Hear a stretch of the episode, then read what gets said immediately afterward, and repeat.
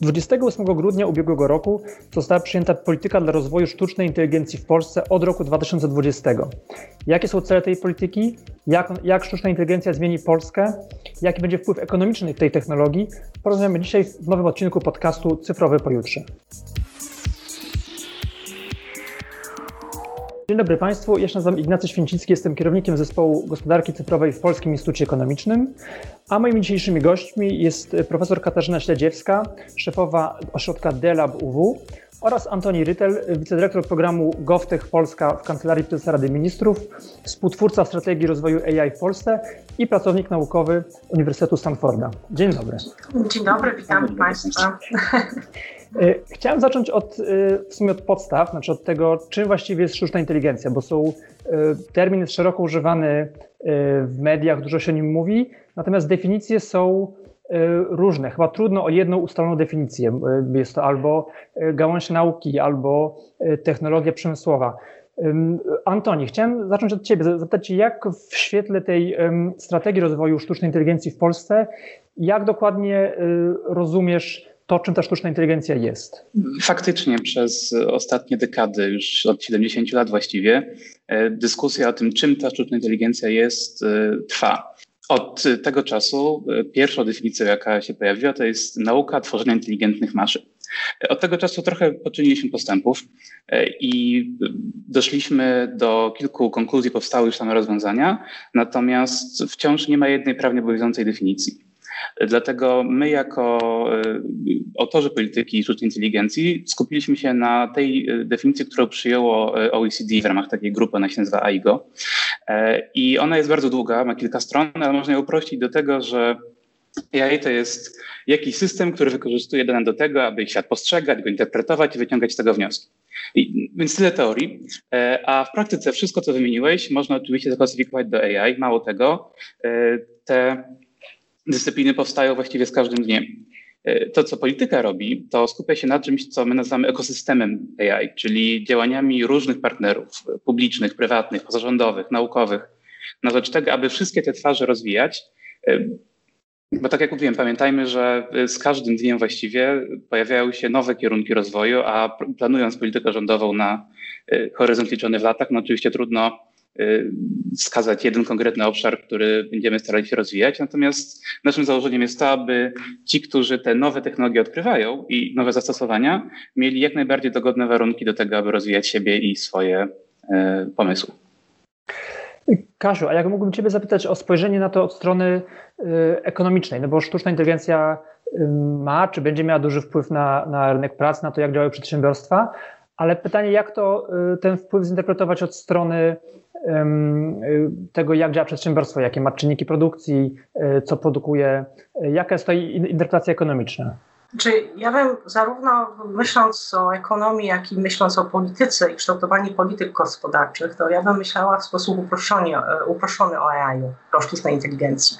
To znaczy, ja to widzę z perspektywy po prostu algorytmów i mamy proste algorytmy, tak zwane regułowe, Y, które tak naprawdę znajdują największe zastosowanie obecnie w biznesie. I mamy te inteligentne algorytmy, można powiedzieć, oparte właśnie o uczenie maszynowe, o uczenie głębokie, które liczymy na to, że nam e, zmienią naszą gospodarkę, politykę, funkcjonowanie instytucji, przedsiębiorstw, e, jak i również e, nas jako konsumentów.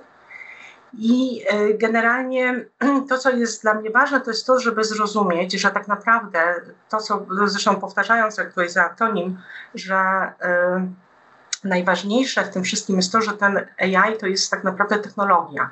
Przy czym ta technologia, ona bazuje na danych. To znaczy, tak naprawdę to musimy, powinniśmy wyjść, i tak ja to interpretuję, w kontekście właśnie tak zwanej datyfikacji od odpowiedniej infrastruktury danych i tego, co te algorytmy, czy te bardzo inteligentne, czy mniej inteligentne, potrafią zrobić obecnie z danymi. I tu się zaczyna ta opowieść ekonomiczna, mianowicie o tym, że e, współczesne algorytmy zbierają, analizują, przetwarzają, łączą, budują wzorce, ale też robią predykcje i e, budują odpowiednie takie systemy rekomendujące. I na bazie tego powstaje taka nowa wartość dodana. To znaczy ta wartość dodana, ona jest odczuwalna w tym, że mamy ta wartość ekonomiczna, że mamy na przykład rozwój nowych usług w oparciu o te dane i inteligentne algorytmy, ale mamy też rozwój produktów, które stają się coraz bardziej ucyfrowione, do których się dodaje, dodaje tą cyfrową nakładkę mamy zmieniające się mm, jak gdyby funkcjonowanie firm dzięki temu i na przykład budowanie nowych w ogóle relacji z otoczeniem i nowych modeli biznesowych w ogóle, nowych sposobu organizacji, czy to produkcji, czy w ogóle samego biznesu. E, mamy optymalizację dzięki temu w ogóle procesów w firmach. I też, co jest najważniejsze, to mamy możliwości wprowadzania zarządzania opartego na danych e, w czasie realnym i na tych dużych zbiorach danych. I to w ogóle jakby przeformowuje funkcjonowanie dosłownie wszystkiego, w tym przede wszystkim państwa. Dlatego, że to państwo, administracja publiczna jest dysponentem największej ilości danych, i teraz to jest ten moment, w którym państwo może po pierwsze zmienić usługi, właśnie, które świadczy obywatelom, może zmienić w ogóle funkcjonowanie swojej administracji, właśnie w oparciu o te nowe e, zautomatyzowane rozwiązania, w tym właśnie te zautomatyzowane procesy, może zmienić zupełnie ten model relacji z otoczeniem, ale też przede wszystkim może zacząć dzięki temu zarządzać państwem w oparciu o te ogromne bazy danych, analizując je w czasie rzeczywistym. To jest w ogóle nowa jakość funkcjonowania państwa, i tutaj widzę przede wszystkim ten wpływ sztucznej inteligencji, jaką może mieć obecnie w naszej rzeczywistości. I uważam, że to jest największe wyzwanie.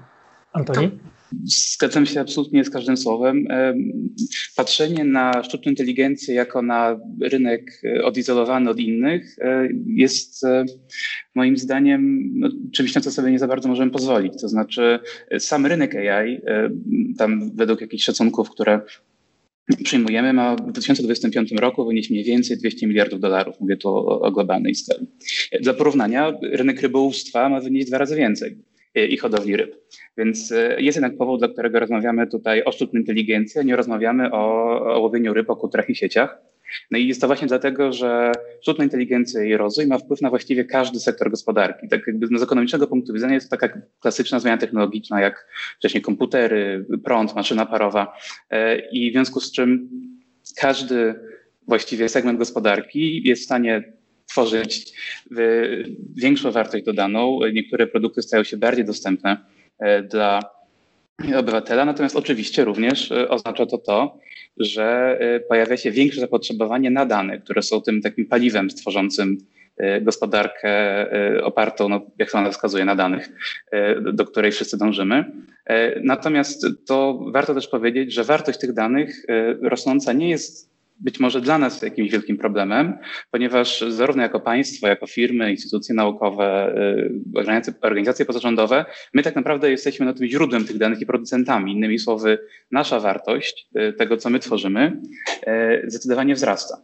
Natomiast oczywiście naszą rolą jako jako państwa w dużej mierze i też staraliśmy się to podkreślić, tworząc politykę AI, jest to, że państwo faktycznie jest wielkim gestorem danych. Mamy y, zarówno w związku z czym inicjatywy polegające, tak, nie wiem, otwarte dane, otwarte dane plus, y, tych odbiorów danych jest już około 20 tysięcy udostępnionych publicznie, co oczywiście kropla w morzu potrzeb, ponieważ y, większość danych tak naprawdę w gospodarce wytwarzają podmioty pozapubliczne, podmioty prywatne i stworzenie platformy wymiany danych bezpiecznej i nie naruszającej e, wewnętrznej wiedzy i tajemnicy przedsiębiorstwa i tak dalej, e, czyli tak zwane zaufane przestrzenie danych. E, ma to swoje różne nazwy, ale sprowadza się do tego, że jesteśmy w stanie jako instytucje nie tylko publiczne, ale także komercyjne, czy, czy pozarządowe, czy naukowe, deponować informacje, a użytkownicy tych danych, twórcy algorytmów są w stanie wykorzystywać, jednocześnie w formie, która nie naraża y, tych, których te dane opisują na, na straty, naruszenie ich prywatności i tak dalej. Także budowa całego tego rynku dotyczącego y, udostępnienia danych, przetwarzania danych i e, ich wykorzystywania to jest, tak jak to już kilkukrotnie padało, być może no największe wyzwanie, jakie, jakim my się mierzymy teraz jeżeli chodzi o układanie tego rynku sztucznej inteligencji, to od tego będzie pewnie zależało, na ile skutecznie uda nam się te cele ekonomiczne osiągnąć. Kasia, coś jeszcze chciałaś uzupełnić w temacie wymiaru gospodarczego sztucznej inteligencji? Chciałam uzupełnić to, co powiedział Antoni. Mianowicie, jeżeli się popatrzy na w ogóle y, poprzednie rewolucje, to myśmy na początku mieli w kontekście tych danych, to myśmy mieli taki proces początkowo, który się nazywał digitalizacją, czyli to myśmy przenosili na format cyfrowy te, wszystko, co było analogowe. I następnie rozwój systemów, technologii cyfrowych i tak dalej pozwolił nam na tak zwaną digitalizację, czyli zastosowaliśmy, zaczęliśmy stosować coraz więcej e, technologii, które pozwalały nam pobierać dane i wprowadzać je w procesy społeczne i gospodarcze. Natomiast to, co jest ważne, że teraz obecnie mamy tak zwaną datafikację, która właśnie pozwala z tych danych budować tą wartość dodaną. Przy czym problem polega na tym, że tych danych jest faktycznie bardzo dużo.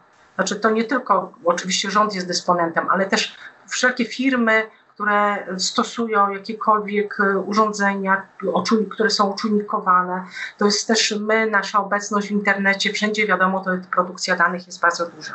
I oczywiście obecnie wyzwaniem, moim zdaniem, już nie są otwarte dane, tylko to, co mówi Antoni, to jest ta budowa tej platformy, czyli takiej infrastruktury, dlatego że okazuje się, że żeby korzystać z tych danych, to tak naprawdę my na początku potrzebujemy, żeby zorganizować odpowiednią infrastrukturę, co oznacza tak naprawdę ludzi, którzy potrafią tak zbudować tą platformę, tak przekształcać te dane, żeby one następnie mogły być wykorzystywane, czy to w administracji, czy też w, przez y, małe i średnie przedsiębiorstwa.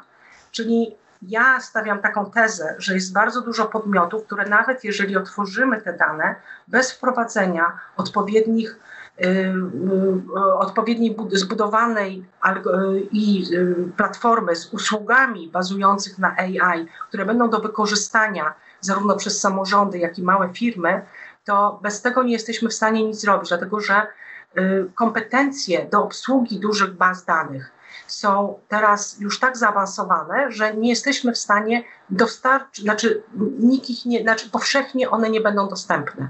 Więc tutaj jest dla mnie niezwykła rola też y, budowania takiej platformy, ale z takim myśleniem, że to będzie polegało na tym, że będziemy dostarczać odpowiednich usług do mniejszych podmiotów, mniejszych użytkowników. Ja chciałem idąc trochę dalej tym tropem i jeszcze patrząc na te, bo dużo mówicie bardzo o tym, jak ważne są dane i jak dane będą wykorzystywane, jak powstają różne nowe usługi. Y, innym wątkiem y, narracji o sztucznej inteligencji, tym, co też się pojawia w strategii, jest to, że y, oprócz tego, że powstają nowe usługi, więc pewnie nowe zawody, nowe zapotrzebowanie, też część prac czy zawodów będzie znikała. I pytanie jest z jednej strony o to, co to dokładnie będzie i czy to jest, czy, czy teraz głównym wyzwaniem jest jeszcze wciąż budowa tych nowych usług, udostępnianie danych i platform do, do, do, do wykorzystywania tych danych, czy wchodzimy już w okres, kiedy trzeba się martwić o pracowników, ale też w kontekście danych, czy, czy umiejętność obróbki danych, przetwarzania, analizy, czy to jest to, czego powinniśmy y, na czym powinniśmy się skupić też w edukacji, bo ja mam wrażenie, że y, sporo się mówi o umiejętnościach właśnie programowania, kodowania na początku, potem programowania, przetwarzania danych, wizualizacji, czy to jest rzeczywiście y, złoty środek do tego, żeby te osoby, żeby osoby na rynku pracy były w stanie pracować w, czasie, kiedy sztuczna inteligencja będzie bardziej powszechna. Kasia, może ty możesz to skomentować. Tak, znaczy może zacznę od tego, że tak naprawdę jest nam trudno bardzo przewidzieć teraz, co się zadzieje nawet za 10 lat. Y, tak jak nie przewidzieliśmy E, zmiany, którą wprowadza lockdown COVID, tak samo nie wiemy dokładnie, jak to przyspieszy i gdzie dokładnie, jak powiem, na rynek pracy to uderzy, jak to będzie wyglądała ta praca. Trochę możemy oczywiście już widzieć. To na pewno to, co widzimy, to jest to, że tu nie chodzi o pracę w, w fabrykach i zastępowanie ludzi e, przez roboty, bo teraz to już chodzi o automatyzację pracy umysłowej to znaczy, że y, aktualnie właśnie te algorytmy, y, w szczególności te, gdzie mamy bazujące na tym uczeniu maszynowym i uczeniu głębokim, one będą zastępować pracę urzędników, pracę osób wykształconych, wysoko wykształconych w średnim, na tym średnim szczeblu menedżerskim. I to już widać, że to się dzieje w dużych korporacjach typu banki czy na rynku finansowym znaczy gdzie wchodzą zautomatyzowane właśnie procesy i e, gdzie mm, ta klasa średnia tak naprawdę jest e, już zastępowana przez e, inteligentne systemy. I to jest o tyle ciekawe, że możemy się spodziewać prawdopodobnie, że będziemy mieli do czynienia y, tak naprawdę w ogóle z redefinicją roli klasy średniej w, mm, na rynku pracy. To jest pierwsza sprawa. Druga praca to, co, to sprawa, którą widzimy, to jest to, jak zmienia się typ pracy. Znaczy, że to jest na przykładzie na przykład e, Ubera, który mówi, e, że, znaczy, który nam pokazał, że platformy e, prowadzą nas do tego, że w ogóle warunki naszej pracy mogą się całkowicie zmienić, prawda? I to też znowu wychodzimy z takiego tradycyjnego podejścia, gdzie my będziemy mieli umowę o pracy pewną y, z naszym pracodawcą do tego, że będziemy po prostu ad hocowo przyjmowali różne zlecenia i zadania, no bo właśnie ta technologia cyfrowa i y, te platformy, sztuczna inteligencja pozwalają nam na to, żeby organizować sobie współpracę w takim bardzo rozproszonym systemie. Ale czy, czy wejdę w słowo, czy w związku z tym mamy do wyboru albo nauczyć się y, analizy danych, programów statystycznych, albo pracować jako kierowcy Ubera? Znaczy, nie, znaczy to, co ja mówię, to jest to, że te zmiany już teraz następują i widzimy, i do końca nie wiemy, do czego nas to doprowadzi. E, podstawowe analizy mówią o tym, że my będzie, zostaną zawody, w których mamy e, dla osób, i będą one cenione, będą osoby, które będą miały bardzo wysokie kompetencje, zarówno te cyfrowe, jak również te kompetencje społeczne i kompetencje emocjonalne i to będą tacy bardzo dobrze wynagradzani pracownicy. Środek znika i zostaną właśnie pracownicy trochę właśnie fizyczni albo pracownicy tacy pracujący właśnie w tej usługówce. Co do Ubera, no to wiesz, jeżeli będzie, y, będziemy mieli autonomiczne samochody, no to również y, y, kierowcy nam znikną. Więc Dlatego mówię, to bardzo ciężko jest powiedzieć, jak to będzie wyglądało. Niewątpliwie z perspektywy tak naprawdę edukacji, no to jest to wielka rewolucja teraz, która się następuje. Nie mogę powiedzieć wprost, że jeżeli nauczymy się programowania, to wiadomo, że mamy zapewnioną pracę.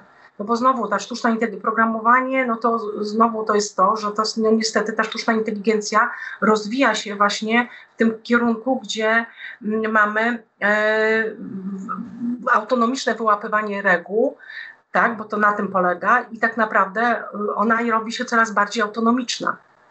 To nie znaczy, że ona jest bardzo zaawansowana, ale jednak robi się tak, znaczy ona nie będzie nigdy zaawansowana, znaczy mam nadzieję, tak jak e, ludzki mózg, ale jednak ona się robi w dużych, wielu obszarach autonomiczna. Tam, gdzie, jest dane, gdzie są dane, gdzie jest obróbka tych danych, gdzie jest tekst, gdzie jest wszystko, co można przerzucić na postać cyfrową, no tam za chwileczkę obróbka tego będzie przyjmowana przez systemy, natomiast no, człowiek będzie miał zupełnie inną rolę w której będzie się uzupełniał z tymi systemami, ale trudno powiedzieć, jakie kompetencje do tego będą potrzebne, tak na pewno.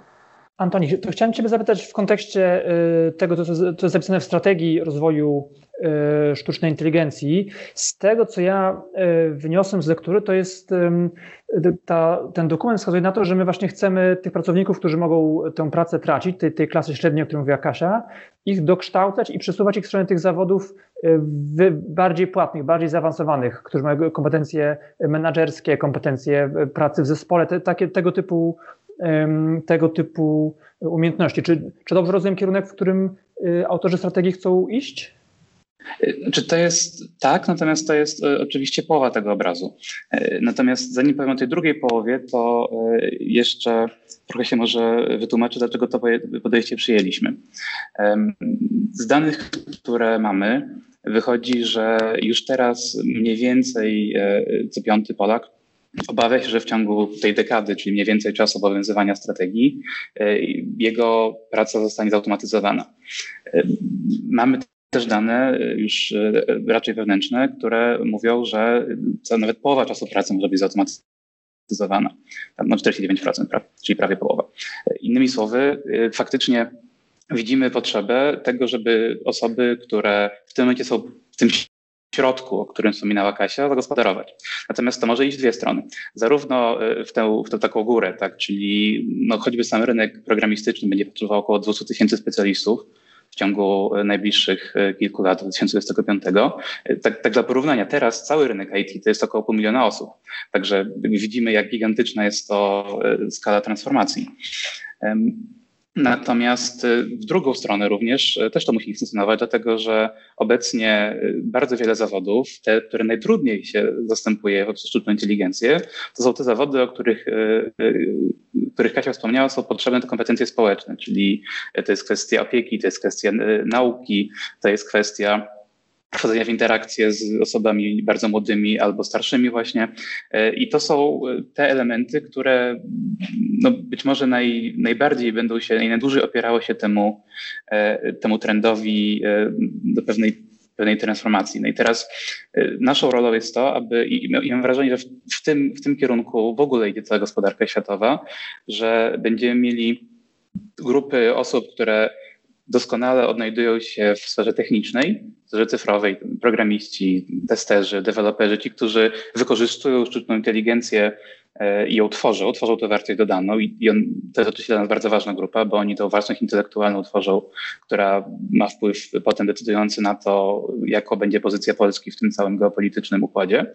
Z drugiej strony będzie bardzo duża, e, duże grono osób, które kompetencji takich stricte technicznych nie mają, E, i nie muszą ich mieć, natomiast e, doskonale wiedzą, jak wchodzić w interakcję z drugim człowiekiem i wiedzą, jak mogą wykorzystać sztuczną inteligencję do tego, aby ich tym w tym wspierać. Czyli e, nauczyciele czy wykładowcy, którzy wykorzystują sztuczną inteligencję na przykład do tego, aby no, przekazywać wyższej jakości treści swoim uczniom czy studentom, będą niezwykle cenieni na rynku pracy.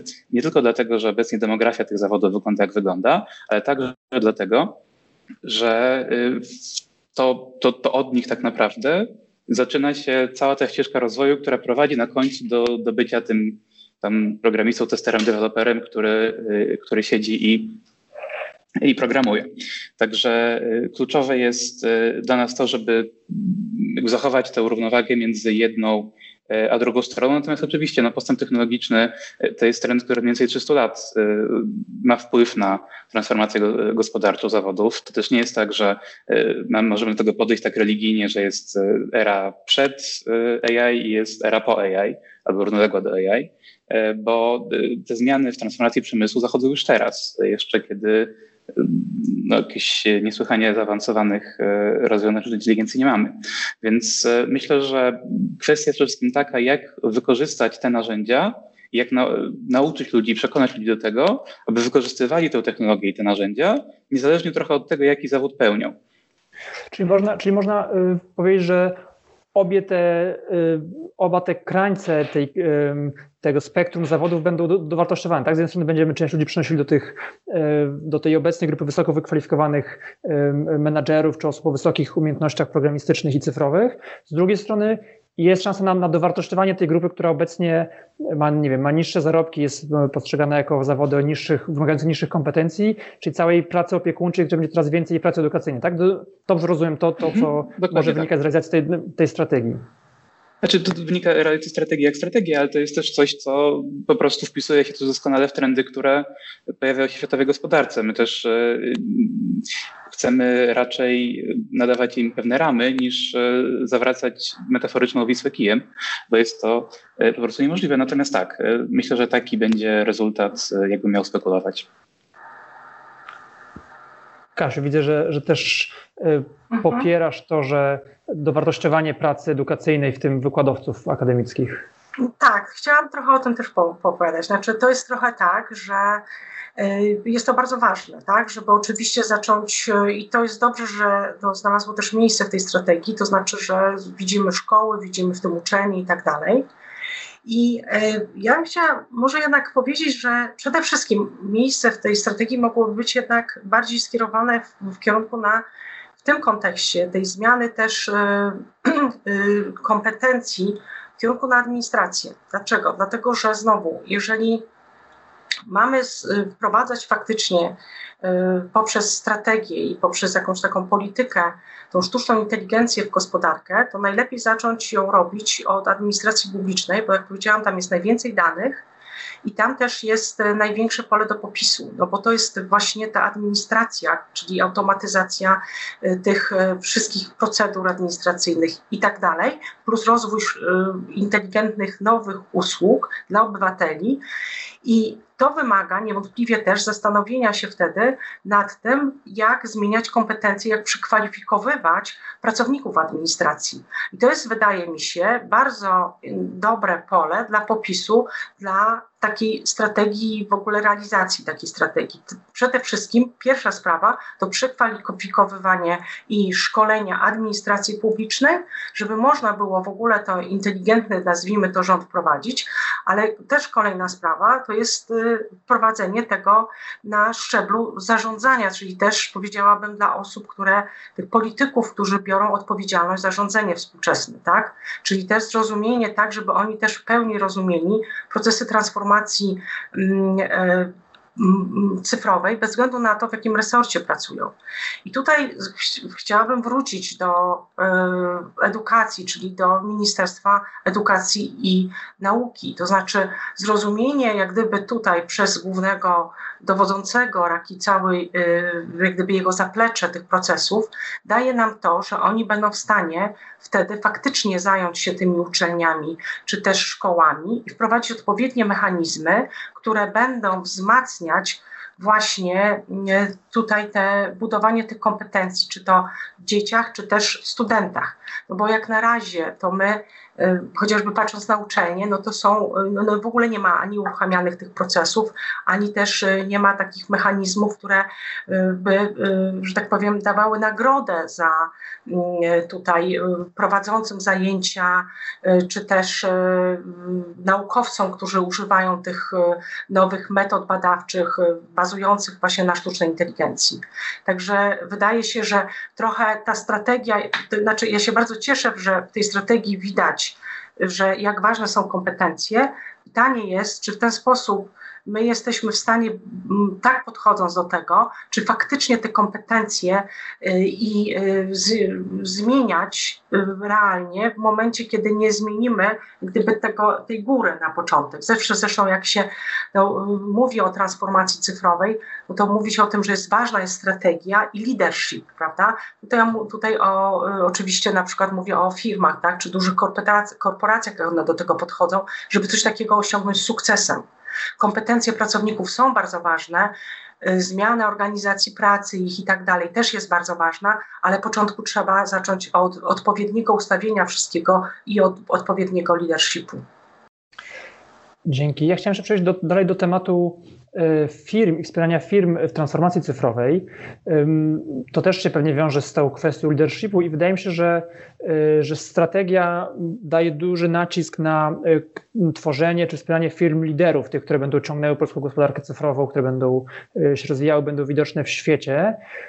Natomiast ja mam wrażenie, że, a przynajmniej tak z takimi spotykam z opiniami w literaturze, że sztuczna inteligencja jako E, jako technologia ogólnego zastosowania po pierwsze będzie obecna we wszystkich firmach, a po drugie wymaga e, być może nawet nie, nie tyle samej inwestycji w, w, dany algorytm czy, czy w daną e, usługę opartą o sztuczną inteligencję, ale też przeformułowania wszystkich procesów. Znaczy tego, że, że jeżeli my wprowadzamy zupełnie nową ogólną technologię, to musimy inaczej ustawić zupełnie procesy w firmie, tak? Taka była e, analogia z silnikiem elektrycznym, tak? Że kiedyś jak fabryka działała w oparciu o silnik parowy, to on musiał być e, ustawiony centralnie w fabryce i dookoła niego były te urządzenia, które potrzebowały tej mocy największej, były najbliżej. Po czym jak się pojawiły silniki elektryczne, można było nagle fabrykę zupełnie zdecentralizować, zupełnie trzeba było to inaczej rozłożyć i te firmy, które to, które to zrozumiały, one mogły z tej elektryczności korzystać. Podobnie wydaje się, że jest teraz. Znaczy, jak my wprowadzimy sztuczną inteligencję, to ona wymaga innego ustawienia procesów niż to było robione dotychczas. Y, Antoni, pytanie do Ciebie. Czy, czy rzeczywiście w pierwszym etapie skupiamy się na, na, na, kształceniu tych, tych liderów, czy wszystkie firmy y, są wspierane, jeżeli chodzi o inwestycje w, w aktywa niematerialne, w zmianę procesów, y, w nowe kompetencje zarządcze? Tak, znaczy tu jest faktycznie bardzo istotną kwestią są tutaj dwie rzeczy. Po pierwsze, to, aby ten taki grot włóczni, można powiedzieć, czyli te najbardziej innowacyjne firmy e, miały warunki do tego, aby tworzyć e, wartość dodaną, własność intelektualną, e, to, co, to z czego potem inni korzystają w ramach tego takiego procesu dyfuzji innowacji. Z drugiej strony oczywiście kwestia przyjęcia i, i popularyzacji tej technologii jest, tak jak tu wspomniałeś, niezwykle istotna. I teraz polityka ma tutaj tak naprawdę trzy rodzaje działań. Z jednej strony jest to oczywiście kwestia takiego wsparcia klasycznego finansowego, e, zarówno w ramach tej perspektywy, która już jest, bo już obecnie różnego rodzaju mechanizmy wsparcia innowacji, nie tylko sztucznej inteligencji, żeby było jasne. Natomiast też prawda jest taka, że mało jest rozwiązań, które do, które tworzą sztuczną inteligencję dla sztucznej inteligencji. Najczęściej mówimy o innowacyjnym liczniku, samochodzie, który wykorzystuje między innymi sztuczną inteligencję. Więc już teraz mechanizmy, które, które funkcjonują, to jest około 8 miliardów złotych. W, kolejnych perspektyw, kolejnej perspektywie finansowej unijnej e, i Krajowym Planie Odbudowy zresztą też, e, jest na to przeznaczone są jeszcze większe środki. Więc e, sama warstwa wsparcia tego, tych, tych badań, rozwoju i dyfuzji właśnie innowacji oczywiście jest z jednej strony zapewniona. Z drugiej strony E, to e, na czym nam bardzo zależy, to jest e, właśnie zapewnianie wzrostu tych kompetencji cyfrowych, zarówno w obszarze tych najwyższych kompetencji, jak i w obszarze tej wszystkich, wszystkich szczebli tej dyfuzji, czyli również właśnie tej kadry menedżerskiej firm, zarówno firm prywatnych, jak i, tak jak Kasia już wspomniałaś, instytucji publicznych, dlatego że ostatecznie sukces osiągnie niekoniecznie ten, który buduje najlepsze rozwiązania, ale ten, który rozumie, w jaki sposób te rozwiązania, które powstają, mogą być wykorzystywane dla, w, swojej, w swoim obszarze. E, dlatego, że tak naprawdę no to nie tylko w Polsce oczywiście powstaje ta własność, też wiemy, że e, no, największymi graczami są tu Amerykanie oraz Chińczycy i tak naprawdę czego byśmy nie zrobili, jak, jak dobrej polityki byśmy napisali, ostatecznie i tak gro y, rozwiązań opartych na sztucznej inteligencji będzie powstawało za granicą. Natomiast to, co my jako kraj i jako gospodarka możemy zrobić, to i powinniśmy zrobić, a nawet musimy, to jest y, właśnie zadbać o to, aby wszyscy decydenci na, na każdym szczeblu, od y, osoby, która zarządza państwem, po osobę, która jest, e, kieruje zespołem albo nawet własną pracą samą w firmie, wiedziała, jakie narzędzia są dostępne, jak je używać w sposób bezpieczny e, i co miała tę taką możliwość, aby uzyskać do nich dostęp w sposób, no, powiedzmy, nie wymagający od, od niej E, niesłychanego wysiłku intelektualnego czy, czy, czy finansowego. Także e, myślę, że my, się, my tutaj faktycznie w polityce wypisaliśmy bardzo wiele rozwiązań, które mają na celu wspieranie tej, tego tworzenia dodatkowej wartości tych, tych innowacyjnych firm, e, ale to głównie dlatego, że to jest ten obszar, który no właściwie może robić tylko państwo. To znaczy już, już teraz, no choćby patrząc na rynek VC w Polsce, e, gdzie e, prawie 9 na 10 transakcji jest jakoś tam wspierana przez kapitał publiczny, e, już patrząc nawet na choćby w ogóle mechanizmy finansowania, czy to nauki, czy edukacji, to są tradycyjne takie obszary, w których państwo ma dużą rolę. Także w związku z czym no, kontynuowaliśmy to w polityce sztucznej inteligencji i szczególny nacisk położyliśmy na ten rozwój tej innowacyjności, tej nowej wartości. Natomiast y, jak najbardziej ani nie bagatelizujemy, ani nie możemy sobie pozwolić na bagatelizowanie y, tej kwestii wspierania tej dyfuzji, czyli y, zachęcania i, i wspierania całej populacji tak naprawdę w tym, aby wiedziała, jak tą sztuczną inteligencję, tak jak i inne technologie przełomowe, bo to też oczywiście nie jest jedna wyspa, wykorzystywać w swojej pracy i no i nie mamy wątpliwości, że oni powiedzmy z wrodzoną sobie kreatywnością będą w stanie też e, tą, tą machinę dalej ciągnąć. My możemy być tym kamieniem, który uruchomi lawinę, e, natomiast e, no, sama lawina musi nastąpić także ze strony prywatnej, dlatego też angażujemy, powstała właśnie w poniedziałek ten obecny grupa robocza do spraw sztucznej inteligencji, właśnie między innymi w celu tego, aby przedstawiciele rynku czy organizacji pozarządowych miały, mieli coś do powiedzenia, jeżeli chodzi o mechanizm wdrażania polityki sztucznej inteligencji. Kasiu, a z kolei z Waszych badań Delabu wynika, że, że polskie firmy sobie średnio radzą z narzędziami z obszaru tak, tak zwanego 3.0, tak? czy z obszaru automatyzacji. Pytanie, czy, czy jesteśmy w stanie dokonać tego żabiego skoku i, i niejako przeskakując tamten etap rozwoju e, cyfryzacji przedsiębiorstw, wejść od razu w tę, w tę e, gospodarkę 4.0 opartą o algorytmy i sztuczną inteligencję? Znaczy, może ja jeszcze nawiążę, tak, to jest znaczy dobre to pytanie, ale nawiążę jeszcze do poprzedniego Twojego pytania, gdzie Ty mówiłeś e, o tym i chciałam podkreślić, że, że to jest bardzo ważne, co Ty powiedziałeś, mianowicie, że technologia to nie wszystko. To znaczy, w tej całej transformacji cyfrowej i w tym, że firma staje się e, dojrzale, dojrzała cyfrowa, czyli jest właśnie w tym gospodarce, w tym takim e, wartościowa w tej, w tej gospodarce 4.0, później chodzi o to, że tam jest bardzo ważna ta zmiana procesowa i zmiana organizacyjna organizacyjna. I my to też wydaje się, że widzimy właśnie teraz w covid kiedy firmy rzucały się na takie doraźne rozwiązania technologiczne, ale w momencie, kiedy za tym nie szło właśnie zmienia, w, e, zmiana procesowa, organizacyjna, e, właśnie też podwyższanie kompetencji pracowników i tak dalej, to później mieliśmy takie wyniki, jak były między innymi w ankietach też robionych, jak rozumiem, przez Twój zespół, to że y, firmy nie widziały korzyści wynikających właśnie z ucyfrowienia. I to jest bardzo ważne, że to wcale nie wystarczy, żeby technologię jakąś zastosować, czy nawet jakiś zaawansowany algorytm, bo jeżeli my nie rozumiemy, po co to robimy, my nie zmieniamy się w ogóle jako firma, jako organizacja, to to nic nie da. I e, wracając e, teraz do, jeszcze do tego, co Antoni z kolei powiedział o tym kamieniu, to mi się podobało i tej lawinie, żeby to jakoś uruchomić, to jest bardzo ważne. I ja wiem, że niewątpliwie tutaj e, państwo i polityka ma bardzo duży wpływ. I ja chciałam jeszcze dodać jedno taki obszar, który nie został wymieniony, mianowicie o tym, że mm, jeżeli administracja zacznie przekształcać się w tą inteligentną administrację, to będzie wzrastał popyt na rozwiązania cyfrowe, które będą mogły dostarczać e, małe i średnie przedsiębiorstwa do administracji. I wtedy też zwiększy się w ogóle zastosowanie tych, e, przez nich też tych rozwiązań. I to też jest bardzo ważne, żeby faktycznie ta zmiana i procesowa, i organizacyjna zaczęła następować w administracji.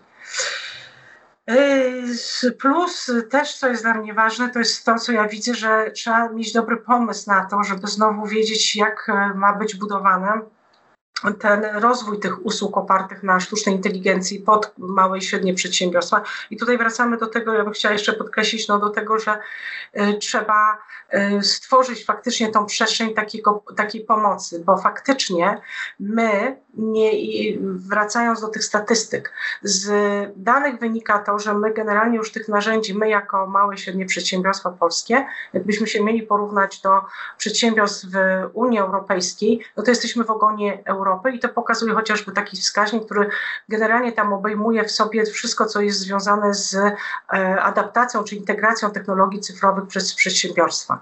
I to jest takie, tam są różne, gdyby mm, mierzy się udział przedsiębiorstw, które wykorzystują e, technologie chmurowe, które wykorzystują właśnie dane, e, które wykorzystują kanały e-commerce do sprzedaży, czy też jakieś social media do marketingu, cokolwiek, tak? I teraz, jeżeli wiemy, że już to nie jest wykorzystywane, no to powiedziałabym, że to jest bardzo duże czerwone światło dla e, tutaj polskich organizacji, e, bo no, świat przyspieszył teraz bardzo w czasie COVID-u i e, widać, że można zrobić ten żabisz skok, bo to zrobiły Chiny i one to robią. W ogóle państwa azjatyckie to robią. Tylko tam jest naprawdę bardzo silne sfokusowanie na to, żeby uczelnie po pierwsze rozwijały badania nad AI-em i dostarczały tych e, młodych, e, zdolnych studentów, doktorantów, którzy też rozwijają samą dziedzinę AI-u. I za to jest, że tak powiem, znowu to są te mechanizmy wspierające. Tam szkoły są pod to nastawione, żeby właśnie ten. I tam też generalnie wspiera się bardzo biznes i buduje się całą tą infrastrukturę, która ma wspierać rozwój. Znaczy tam jest jakby, no to można zresztą książkę Kajfugi przeczytać czy posłuchać, żeby się dowiedzieć, co tam się dzieje. I no trudno sobie, znaczy jakby jesteś, jeszcze jesteśmy bardzo daleko od tego, tak? Znaczy, no niestety. Antonisz, przechodząc do, kończąc powoli naszą rozmowę, chciałem Ciebie jeszcze zapytać, co nas czeka w najbliższej przyszłości, co nas czeka pojutrze, tak jak tytuł naszego podcastu, jeżeli chodzi o realizację strategii AI i kolejne kroki. W niej są, jest szereg celów, są założenia, ogólne kierunki. Jak teraz to będzie realizowane? Tak, to jest e, oczywiście być może najważniejsze, e, bo wiadomo, że dokument, który jest dokumentem sam w sobie wiele nie daje.